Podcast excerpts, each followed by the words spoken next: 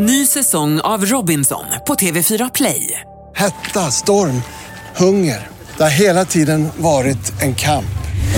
Nu är det blod och tårar. Fan händer just nu. Det. är Detta är inte okej. Robinson 2024, nu fucking kör vi! Streama söndag på TV4 Play. Ladies and gentlemen, welcome to the greatest podcast in the world. And here they are live from Bauer Media House. Here is Victor and the Pharaoh Podcast! My heart want to beat like the wings of the birds that fly from the lake to the tree to sing through the night like a lark. Välkommen till Viktor och Faraos podcast! Avsnitt 91. And I'm going crazy! Because I'm in the crazy share. Crazy Share, Winter is coming. Alltså vet du vad, jag vill också ta det här tillfället i akt och börja avsnitt 91 av den här podden med att gå ut med en offentlig ursäkt och en dementi. Jag har alltså under tvivelaktiga perioder av mitt liv varit förmodligen drogad av någon annan. Där det finns ljudupptagning i viss mån också bildupptagning, men framförallt finns det ljudupptagning på mig. Där jag säger att jag älskar kyla. Där jag säger att jag trivs i kyla. I was wrong. I was drugged. I was forced to say stuff that I do not believe in. It's shitty. Shit i. Alltså vet du, i, i morse när jag vaknade, 'cause I've been to Paris, so I'm not really used to this. Um, jag känner mig Is lite... this a one man show today? Nej men det ska få... Pharaoh, the one man show. Fortsätt. vill du, nej men vill du säga något? Jag vill säga någonting men fortsätt Jag först. tänker att du är lite som min shrink. Man vill ju inte att liksom, psykologen ska prata för mycket. Mhm, mm. Fortsätt. Du har... jag blir så uppe i varv när jag får vara med dig. Nej, men, och jag kände mig lite så här, du vet som svenskar som kommer hem från Thailand mitt i vintern och kommer till Arlanda i flipflops och bermudashorts och bara Anette, jag hade aldrig trott det skulle vara så här kallt där uppe. Och så ska de, bara för att de ska så här show off, we're been to Thailand. Lite så kände jag mig när jag kom från Paris i en liten vårbrisig vårrock liksom.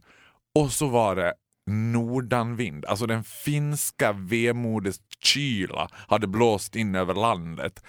Alltså det var det värsta jag varit med om. I morse när jag vaknade tänkte jag I just continue sleeping. Men jag har lösningen. Jag vet hur du ska göra för att överleva hela vintern i en vårblus. And why am I not surprised? Säg det du inte har lösning till. Till exempel, varför byta vinterdäck när man kan hyra en bil? Sant. Men, för att jag kände precis samma sak igår när det blåste extremt mycket i mitt ansikte och det kändes som att jag var på väg upp för Kebnekaise. Så tänkte jag så här, vad ska jag göra åt den här situationen? Jag kan ju inte flytta. Det är inte möjligt för mig att nu lämna landet. För det kändes ju som den enda lösningen. Så då satte jag mig ner och funderade på det. Och sen, för att jag har svårt för stora jackor. Jag gillar att ha dem på mig, men det, det är en jävel att släpa runt. Ja. Det är ju det. Det är Det är som att släppa runt på en extra kropp, så känns det. Som att kläderna är... Jag får nästan för mig att mina vinterkläder väger lika mycket som mig. Det är att som att- I twice my size during wintertime. Ja exakt, det är som att ha ett husdjur, att ha en vinterjacka.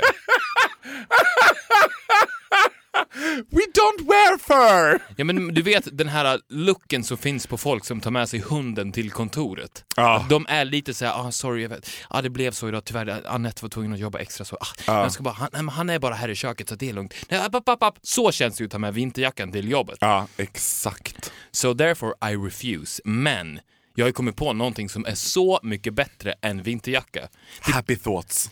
Not happy thoughts, det hjälper. Men det krävs en effort av dig innan för att du bör, skulle jag säga, komma ner på runt 10% kroppsfett innan.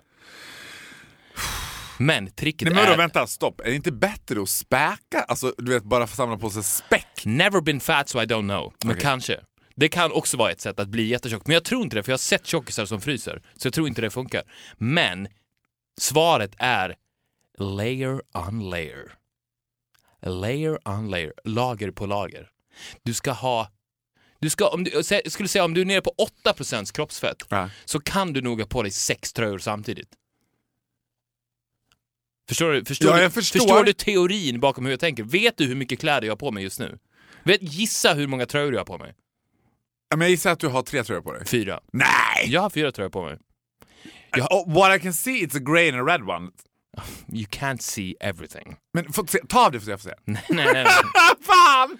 Men, för det är ju det som är grejen, att om du kan bära upp de kläderna, med, om du har den kroppen för att bära upp de kläderna, behöver du inte köpa större storlekar. Men givet att du har fyra tröjor på dig, you're one piece of skinny bitch. Alltså du syns ju inte. Skulle jag sätta på mig fyra tröjor då skulle jag ju se mätt ut. Men det är faktiskt inte riktigt sant, för det är en annan missuppfattning. När du kör lager på lager så är det bra det är därför underställ är formade som de är. Det är bra att ha tunna kläder. Du ska ha fyra tunna plagg på överkroppen. Sen så skulle jag säga att det är maybe pushing it att köra dubbla långkalsonger. Men if you want, you can have tights, långkalsonger och sen jeans. Och sen på överkroppen så har du tight linne, underställ, alltså tight, jag pratar skid-VM underställ, så tight ska det vara. Sen tröja och sen en till tröja. Alltså då är den, tröja nummer tre är då tunn. Så att du har alltså tight linne, underställ, sen tight tröja och sen ovanpå det en vanlig tröja. Dubbla strumpor. Ja, men vadå? Men jag vi- känner också någon så här känns... Min spontana reaktion när du säger sådär är ju att det liksom nosar på no, lite så klaustrofobisk Nej, tvärtom. Ja, men- det känns men- som men- att hela världen omfamnar den. Alltså just nu när jag sitter här så känns det som att någon kramar mig. Det är en helt bisarr känsla faktiskt. Jag har aldrig känt mig så här omtyckt i det här rummet, vilket är unikt.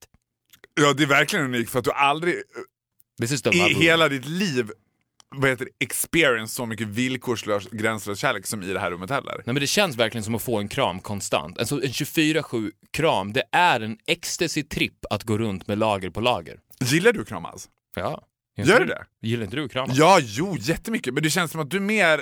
Jag kramar alla. Ja, men du, känns som, en- du känns som en kramare som så här, som har det as a greeting, men så gör man det sen är det done with. Eh, Ja, men vadå, hur använder du kramen då? Vadå, är det inte done? När du, när, du kramas så är det inte done with? Usually Uh-oh. just the beginning. Okay. It's usually just the beginning. Nej men jag tänkte på det för att you- I just, as I said recently, been to France. Och där är ju det här kindpussandet, liksom, det är ju en exotifierad myt i Sverige att man tror att åh, liksom sydeuropeer de pussas på kinden. Men man gör ju det i Frankrike. Men det är så jävla svårt tycker jag att veta för det, det är ju inte motsvarigheten till våran kram. För man gör ju absolut inte, det finns ju dels hierarkiska grejer i pussandet, man pussar inte folk som är väldigt mycket högre än en hierarkiskt. Plus att det är liksom vissa stunder man ska göra och inte göra det. Däremot är det jättemärkligt för fransoserna att kramas.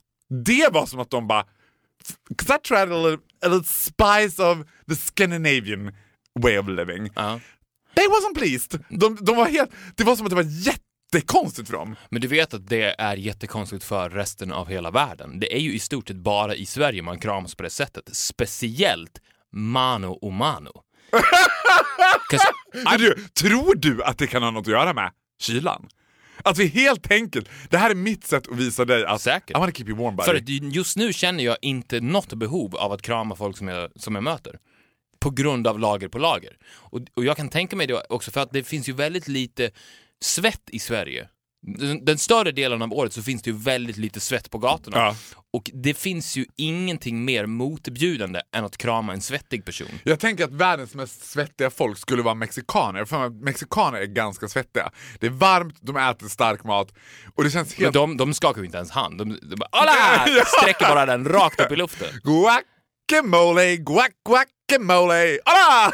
Ja, det känns helt otänkbart Kan att två ens- mexikaner skulle krama varandra. Ja, men kan du ens föreställa dig två mexare skaka hand?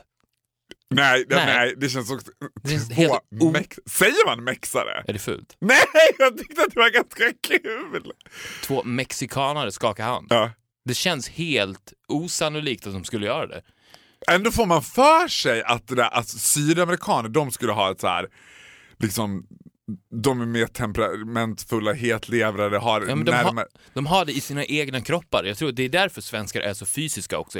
Säkert därför också den svenska synden. För att om det inte finns någon värme i världen Ja. som du befinner dig i så måste du hitta värmen någonstans. Och den enklaste källan till värme då är ju andra människor. Det är konstant 37 grader. Men när luften omkring dig är en varm människa, DVS 37 grader, varför ska du då gå runt och leta efter 37 grader om du redan har det en millimeter ifrån dig? Alltså, again when it comes to the cold, my best advice to my fellow gay friends som vill lära sig om mina liksom preditativa beteenden när det gäller heterosexuella killar. När du har en heterosexuell killkompis som sover över, make sure the window is wide open and make sure you say nej men jag sover alltid med fönstret öppet. Så att de huttrar av köld så mycket så att there's no other way än att gå liksom extreme surviving Bear Grylls, krypa så nära man kan. Ja, Men det här är faktiskt jävligt intressant för att jag tror att människan omedvetet konstant är på jakt efter 37 grader.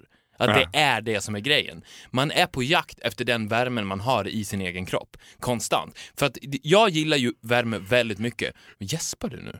Nej, det gjorde jag absolut inte. Nej. Jag gillar ju värme väldigt mycket. Men jag gillar ju absolut inte när det är för varmt. Jag gillar ju inte bastu. Det är ju jätte, jättesvårt för. Men däremot en 37-gradig bastu hade jag ju gillat. Jag älskar ju när det är 37 grader i luften. När det känns som att man känner inte ens att man rör på sig. Man blir ett Men inte med 37 luften. grader, inte 37 grader i luften, också slightly pushing it. Jag känner att Ja, men you 30. have to be nude, det förstår du väl? Du kan ju inte ha kläder på dig då, för att kläderna gör att du blir varmare. Det är ju därför man har kläder från början, för att bli varmare. Så att du måste då vara naken. gud vad jag känner mig dum nu. Alltså nu känner, jag, men så här, jag, jag går ju också, jag är 50% av mig själv liksom due to a heavy weekend liksom In Paris. in Paris. Yes, in Paris. Jag bara, I wasn't in the weekend in Paris. Never mind. Eh, men jag tänkte att man hade kläder på sig fram, främst för att skyla sig. Att, klädesplagget för, att kläderna föddes för att skyla sig mer än att hålla värmen. Hålla värmen och skydda sig. Skydda? Mot vad då?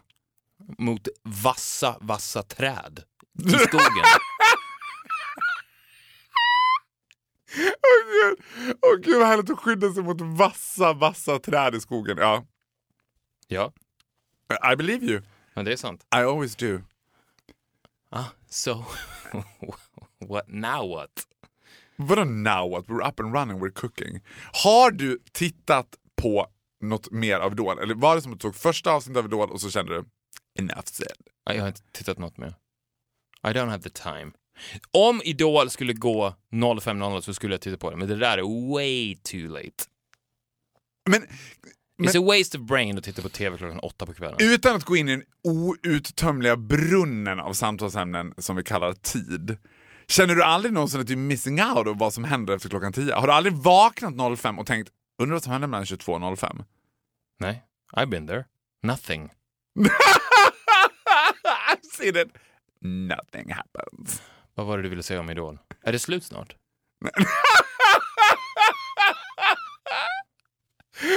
Gud, alltså bara... Eh, idag, eh, vet du vad? Jag kan säga en sak om Idol. Ja. Jag vill inte pissa på Idol för mycket.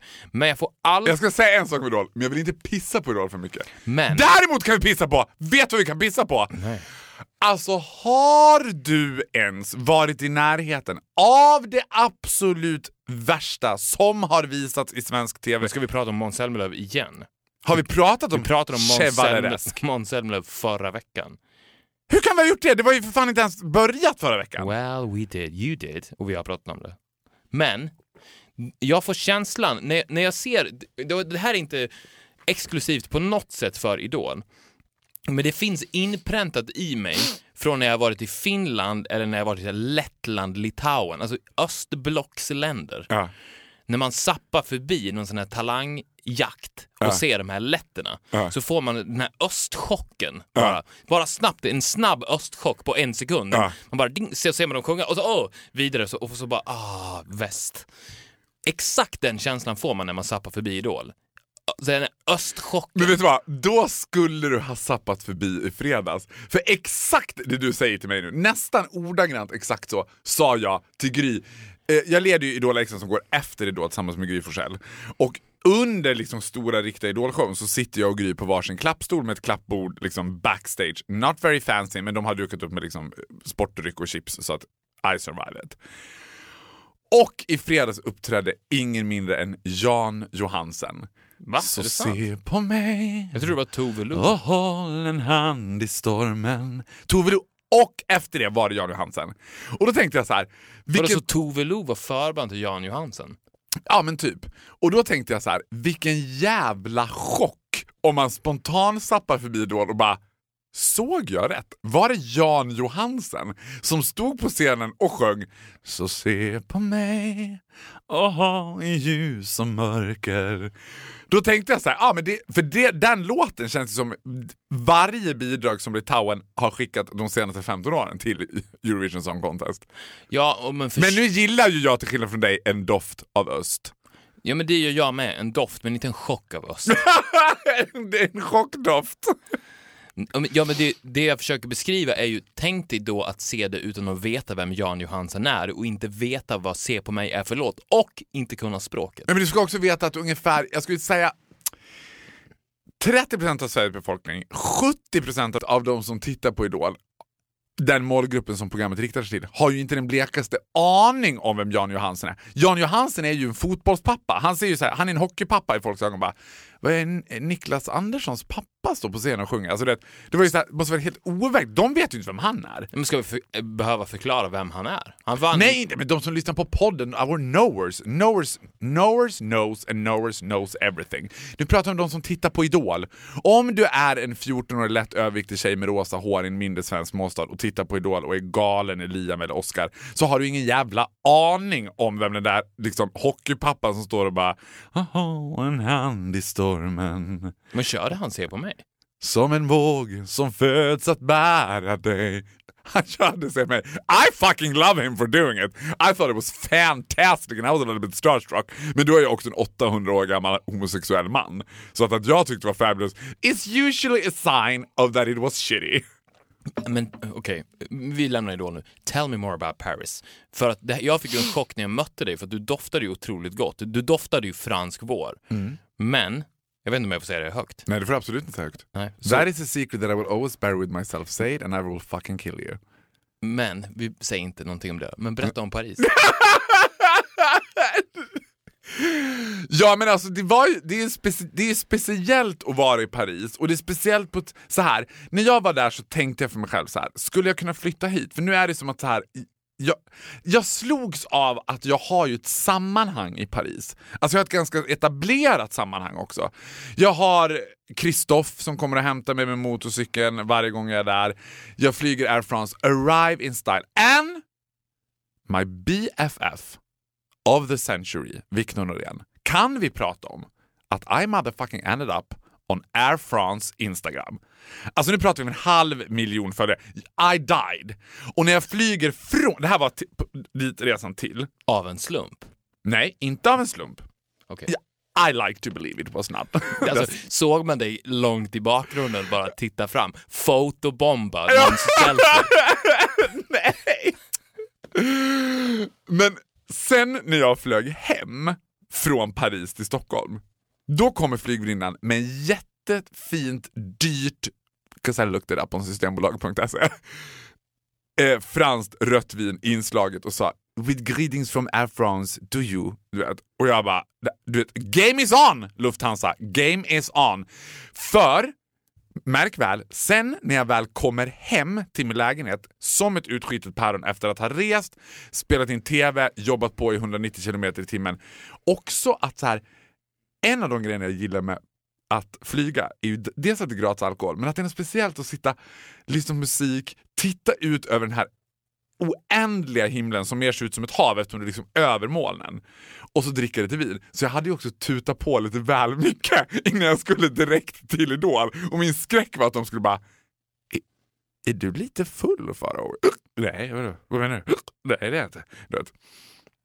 Så när jag kommer hem efter en ganska slitsam dag så ligger ett paket från Scandinavian Airlines i sin tur som säger som du vet Farao så byter vi uniform ungefär vart 20 år och det är inte mer än rätt att du får vara en uppdaterade scarf och självklart dina helt egna vingar. Och då tänkte jag, jag kommer ju spela ut de här tre jättarna mot varandra. Scandinavian Airlines, Air France, Lufthansa. Ready, steady, go! Det är väldigt intressant det här att du är den här Messiah in the air. Messiahs in the air. Ja, men att det är någon sorts aviation. Men jag tror att det kan ha någonting att göra med, för att jag tror att nästan alla människor blir en lite sämre version av sig själva när de flyger. Ja. För att det är en bizarr upplevelse. Om, Ja. man, om du är flygrädd eller inte, fine. Men det är en bizarr upplevelse att flyga. Ja. Bara det faktum att man flyger gör att, jag skulle säga att de flesta människor, eller alla människor, går ner på 90%. Vilken är din värsta personlighet i planet? Den vanligt återkommande personligheten som du irriterar dig mest på när du flyger? Jag, jag är otroligt irriterad, det har vi pratat om förut, Ja. på främmande barn. Är det så? De är loud, loud people och de är ju the loudest. Och då pratar jag inte så här små barn, men när de, är, när de slowly, slowly start to fuse into people. Från en klump Play-Doh till att det börjar formas Nej, men, vad nej, men du vet vara när det person. inte är gulligt längre. Nej, ja gud. När du, du, du vet när du kan se ett barn som är för stor för att sitta i en vagn. Ja. Så blir det ju istället gross. Du går ifrån så här, oh that's adorable till that's fucking gross. Men, det, så jag tror att det, att det skulle vara de personerna jag gillar minst att flyga tillsammans med. Kan jag få säga min värsta? Bara. Ja, säg din värsta. Alltså min värsta, det är tanten med svullna vader som alltid ställer sig upp i sekunder när man får spänna åt säkerhetsbältet och sen står och trampar som en katt på stället hela tiden. Och hon, it's not a happy camper. Hon står också och tittar. It's not a happy cat. Det är inte en happy cat, utan hon står liksom och tittar misstänksamt runt om sig liksom för att så här, du vet, hålla ett... Jag vet inte vad hon håller koll på. Jag gillar heller inte folk som håller koll på grejer på flygplan, för då blir jag suspicious. Jag bara, fan sitter du och håller koll på? Du vet de här som håller koll på någonting. Jag gillar inte heller the lone computer nerd wolf Nej, inte heller. på ett plan. För att man, för att man, där, där känner man ju verkligen att det här är en tickande bomb. Ja. Det spelar ingen roll hur mycket security... Nej, men det spelar ingen roll hur mycket security han har gått igenom. Han kan flippa när som helst. Jag ser exakt honom framför mig. Svart hår, kort och glasögon. Ja. Men det jag skulle säga var att det sjuka är att alla människor blir en sämre version av sig själva i luften och du, ensam i världen, blir en bättre version av dig själv i luften. Vilket gör att då upplevs ju du såklart, för att alla flygvärdinnor, var existerar de? I luften. Ja. Det är bara där de existerar. De flyger hela tiden. Landar där och sen så flyger de igen och flyger igen. Så att de tror ju då, alltså du är en fantastisk människa, men i luften så är ju du Messias. Ja, alltså vet du vad? Jag är faktiskt hands down beredd att hålla med dig. För i nio fall av tio så är det jag också som tjålar igång flygvinnarna i 190 varenda gång jag flyger. Men den här gången så var jag liksom lite trött, lite low, jag var inte riktigt... I didn't feel like Messiah, so of course I was but I didn't feel like it.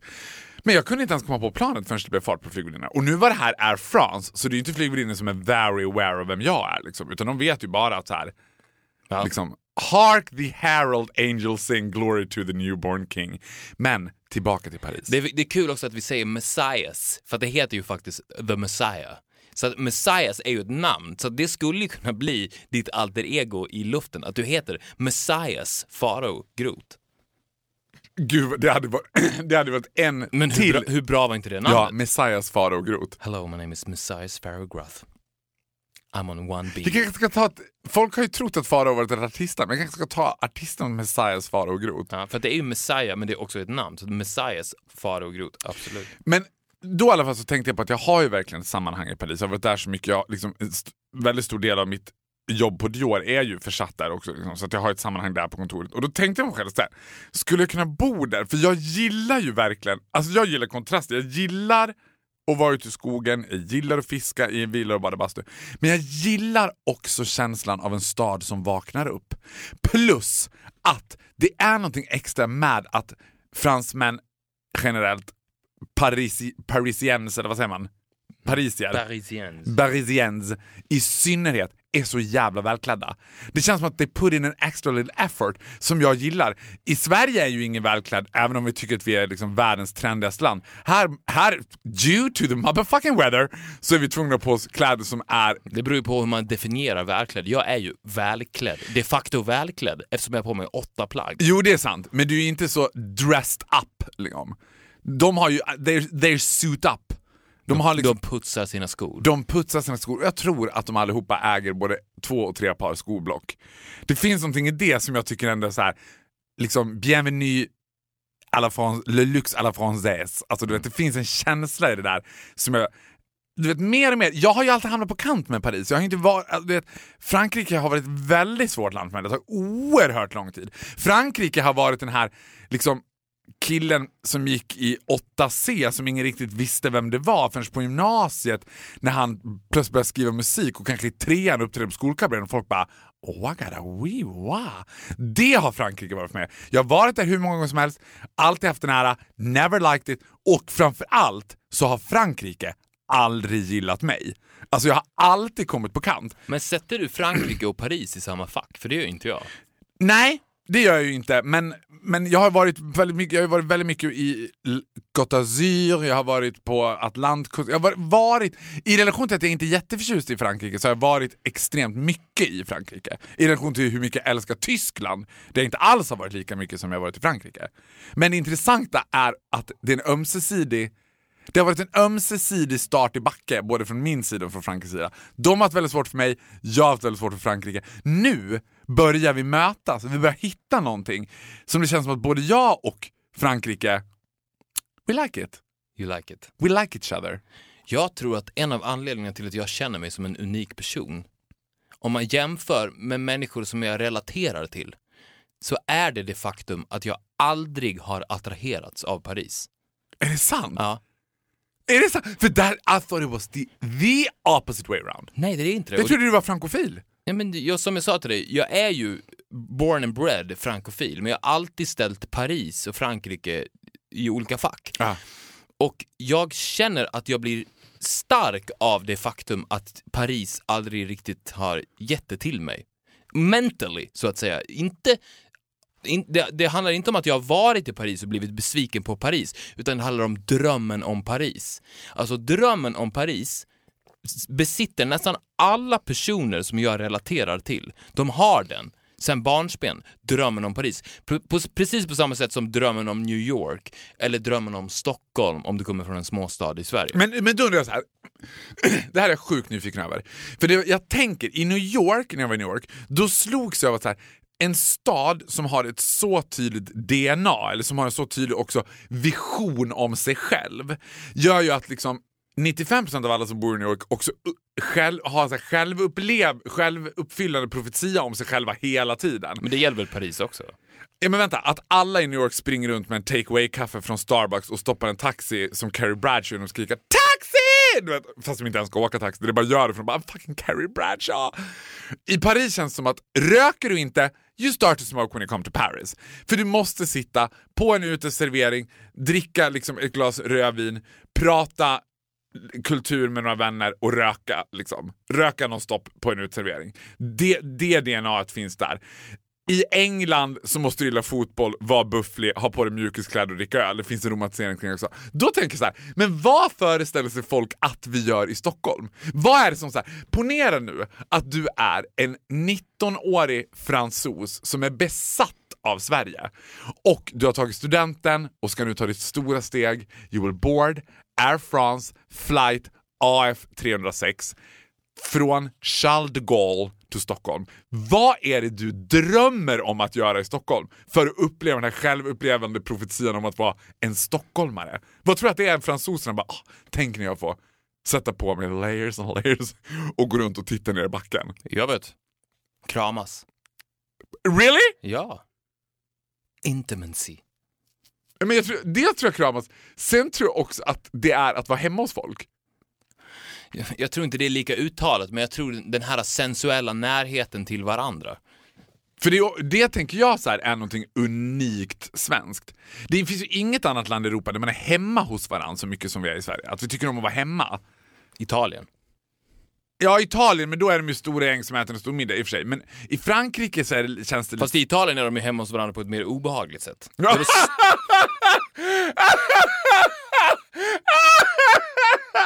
ja, de är verkligen hemma hos varandra. Men vet du vad? Det är de också i Belgien. I Belgien är de hemma hos varandra på ett ganska obehagligt sätt. Ja, det, snacka om dåligt rykte, Belgien. Ja, men- Först det och sen terrorismen. Ja. I really wanna go to Belgium. Nej men alltså belgare känns som ett jävligt tvivelaktigt folk generellt. Som att man bara ah, inte riktigt får grepp om dem. Nej, men, men det, man, när man föreställer sig en italienare Ja. som går hem till någon annan så stormar han ju alltid in genom dörren. Ja, ja. På på ett väldigt obehagligt sätt. Ja, Oh, oh, oh, Luigi, sorry. sorry. Det gillar jag absolut inte. Men, Men- jag, vet vad, jag kan absolut inte tänka mig något värre än... Alltså du vet vad, jag vet inte om vi har pratat om det här du och jag, men här om veckan, I was home alone, having, as I do when I'm home alone, a bag of chips, sitting in bed watching some shitty television, för det är det jag älskar att göra. All of a sudden, my doorbell went off. Det ringde på dörren. Och bara det i sig, i det moderna samhället vi lever i idag, är en skräckfilm. Ja, det- det ringde på dörren. Jag bara, what the fuck is happening? Och vi har ju en port med portkod, så jag bara, det kan ju inte vara någon som bara ska sälja något. Du vet. Smyger upp, tittar i det här kikhålet. Det är svart. Due to the fact att jag under den där perioden var inne i lite av en kattstorm så tänkte jag nu kommer jag öppna brevinkastet och då kommer komma en kattklo och bara... Jag, bara äh! jag var ändå panikslagen. Öppna brevinkastet, jag vågar inte ens öppna dörren. Ropar Hallå? Då är det en kompis som har vägarna förbi och tänkte ah, jag ska bara kolla om du är hemma, jag hade vägarna förbi.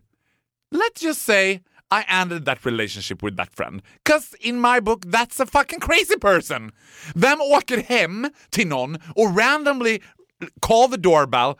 Om jag skulle komma hem till dig, till och med even though I am your best friend, du skulle bara, men Faro, did you completely lost it? Men var det en italienare? Nej! Nej, nej, för jag tänkte, för då hade de ju stormat in. Ja, då hade man inte tyckt att du konstigt. Han hade stormat in direkt och frågat.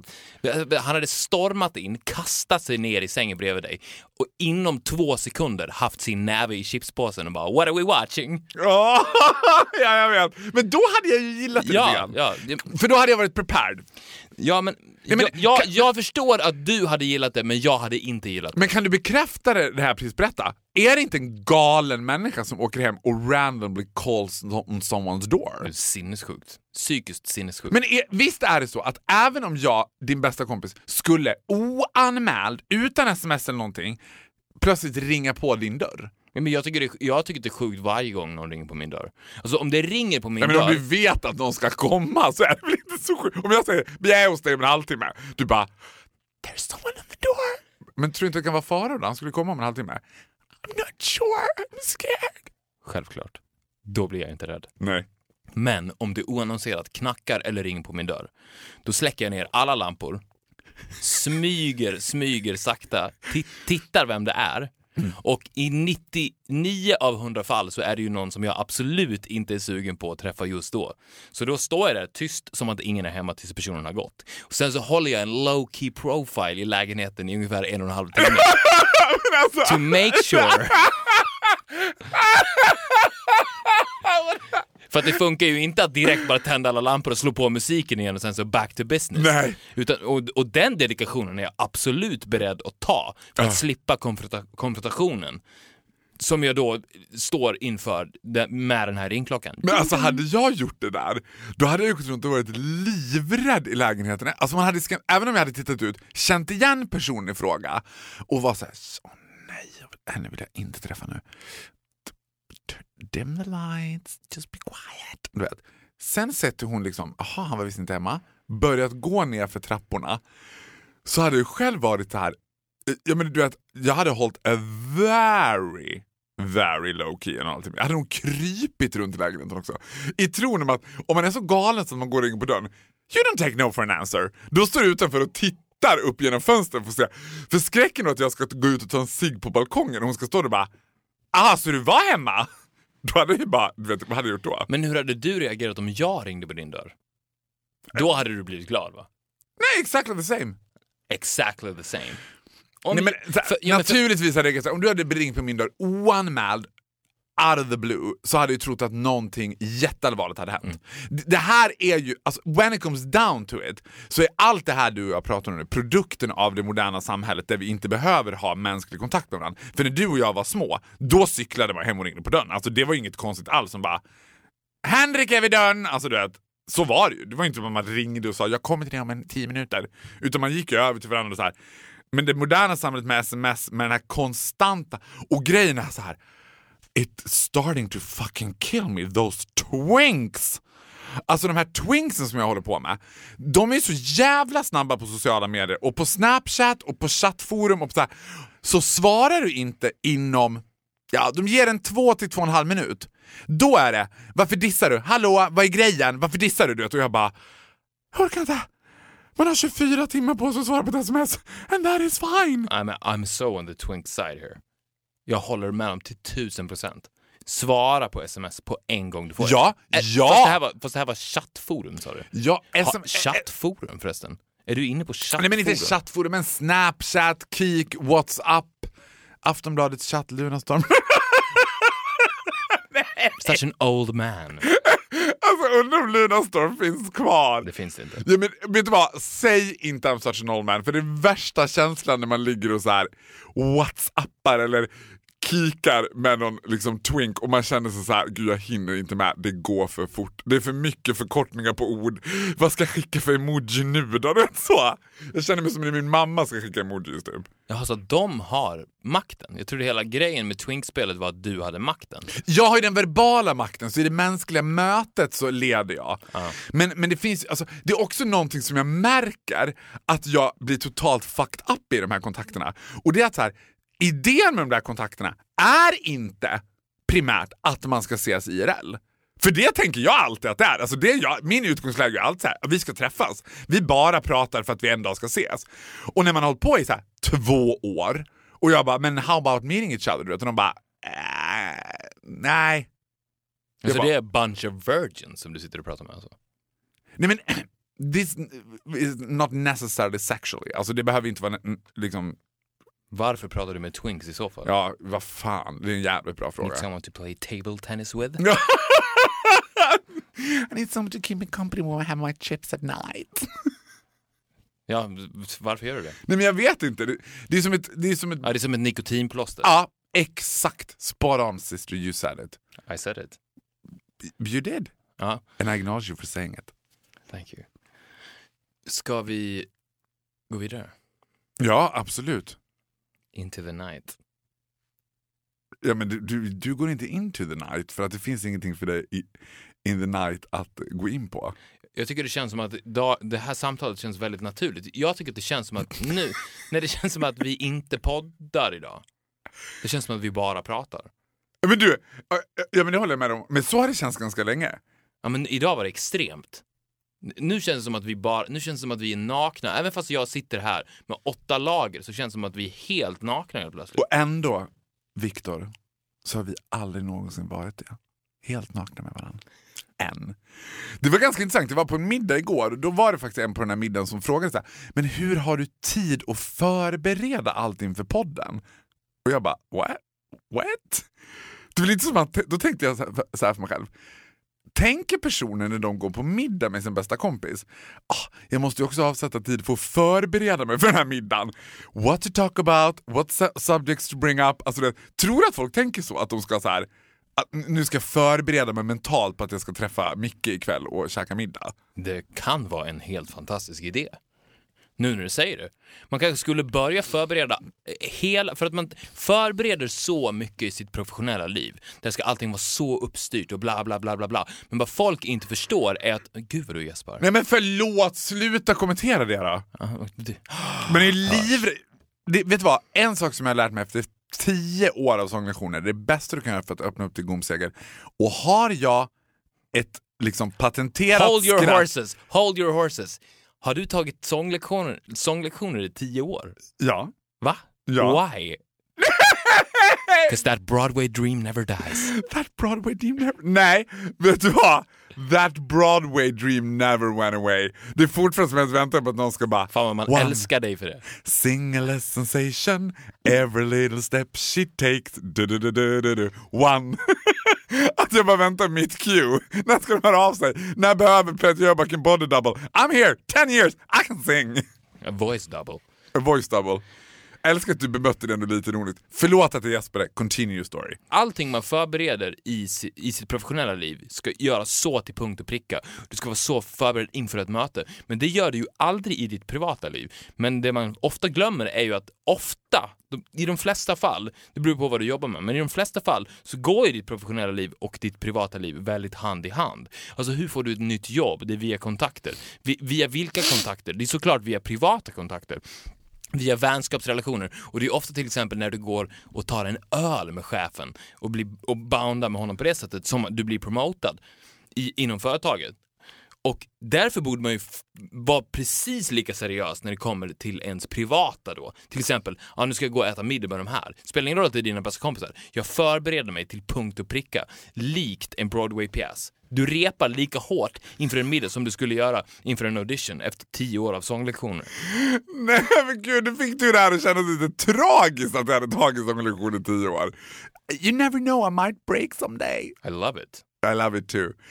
Ja, men jag håller med dig. Jag håller med dig till viss del. Samtidigt kan jag också tycka att så här, ska man ha en relation med någon där man måste förbereda sig så mycket? För, för så här, Nej, det är klart att man inte måste det. Men säg att du och jag, vi, vi skulle kunna göra det som ett experiment någon gång. Att du och jag tar ett möte innan podden och går igenom, alltså brainstormar hårt hur vi ska lägga upp det här avsnittet, vad vi ska prata om. Nej, nej. Jag sa som ett experiment. Nej men vi kommer inte göra det. Because I know exactly how you works. I know you by heart. I know you better than I know myself. Då kommer vi göra det. Då kommer vi sitta en timme innan, brainstorma det där, göra ett poddavsnitt som kommer att bli splendid. För alla poddavsnitt vi gör blir splendid. Sen kommer du att pitcha in att jag tycker det är en bra idé att vi gör det här varje gång. Sen Aldrig. kommer du peppra mig med sms och krav på saker jag ska göra. Så kommer jag som jag blir stressad av hela tiden. Aldrig. I promise, aldrig. Okej, men i teorin, säg att vi skulle göra det. Det hade varit intressant att se. Men jag tror däremot att, den, att det kan vara smart att göra precis tvärtom, som du och jag gör. Att man inte planerar någonting för sitt professionella liv. Att det kommer helt spontant.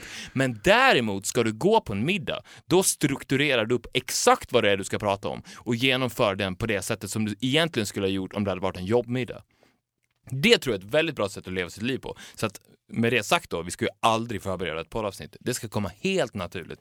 Ja, för jag tänker dela poängen med poddavsnitt. samtidigt som att jag så här, en av de här liksom skoporna med twinks som är eh, liksom ongoing in my life har en sån här YouTube-kanal. Och då var jag inne och skulle titta på det där för att förstå vad det där var för någonting. Och då är det alltså han och hans är de pranksters? Nej, de är inte pranks. Jag vet inte vad det kallas. De är youtubers. Okej, de vloggar. De vloggar. Ja. Han och hans tjejkompis, som most likely heter Lollo eller Jasmine, because they always do. Liksom. And they're always... Usually there is a, a bit of a plus size girl. Då sitter de och alltså du vet, pratar om ingenting. Och det är inte ens ett samtal som är... För jag menar, man kan ju prata om... Jag tycker ju att du och jag inte pratar om någonting och sen lyssnar jag på podden och tycker this is fucking brilliant, det är så jävla bra. Men de, det är också som att så här, jag, bara, jag tänker när jag ser dem där, och då, då, började, då började jag få upp ögonen för det här med vlogg overall och följa den där grejen. Och jag bara, ja, jag har kommit på the source of the new generation, of the millennials. Vad som är grejen, det är att du aldrig får fråga varför inte. Man frågar aldrig varför inte. Du och jag kommer från en generation där man ska ifrågasätta och så här, ja men okej om vi gör så, hur blir det då? Så här, ja, men vi måste ändå tänka på så här. de bara gör. För 99,9, nej vet du vad, 100% av de här bloggarna är så jävla shitty. Så jag tänkte så här, hur kan folk sitta och fylla sina tråkiga liv med andra människors pisstråkiga liv? Alltså jag förstod inte, jag känner antingen är jag 800 år gammal eller så är this world is going down. Jag tror att det är en tröst för människor. Vadå, att de sitter och ti- tittar på andra människor och tänker åh, de har lika tråkigt som jag. Nej, jag tror inte att de tänker de har lika tråkigt som jag. Men jag tror att de känner det. Och jag tror det är en tröst. Och jag tror det också leder till ett beroende att titta igen. Jag tror att de känner det omedvetet i så fall. Ja. För vet du vad de gör i den där vloggen till exempel? Då kan det vara så här. Hej hej allihopa, välkommen till dagens vlogg. Eh, idag så tänkte jag gå igenom eh, tio saker som jag har i mitt rum. Eh, här har jag ett bord, eh, det är ett vitt bord som jag bara Really? Are we really motherfucking watching this? Fast jag tittar ju på dig när du gör det nu och jag vill ju veta vad som finns i rummet. Det är beroendeframkallande. Jag fattar grejen. Vad är det mer som finns förutom ett bord? I do not understand and I do not approve. I think it's shitty. I hate it. Jag rekommenderar alla istället titta på Celine Dion-klipp på Youtube. Eller flygplanskrascher. There's nothing as amusing. Well, let's Let's... leave it at that. Okej, Vi alla har olika intressen. Tack för att ni har lyssnat på avsnitt 91 av Viktor och Faros podcast. Och vi älskar när ni kommenterar på Instagram. I Instagram är jag ju high på.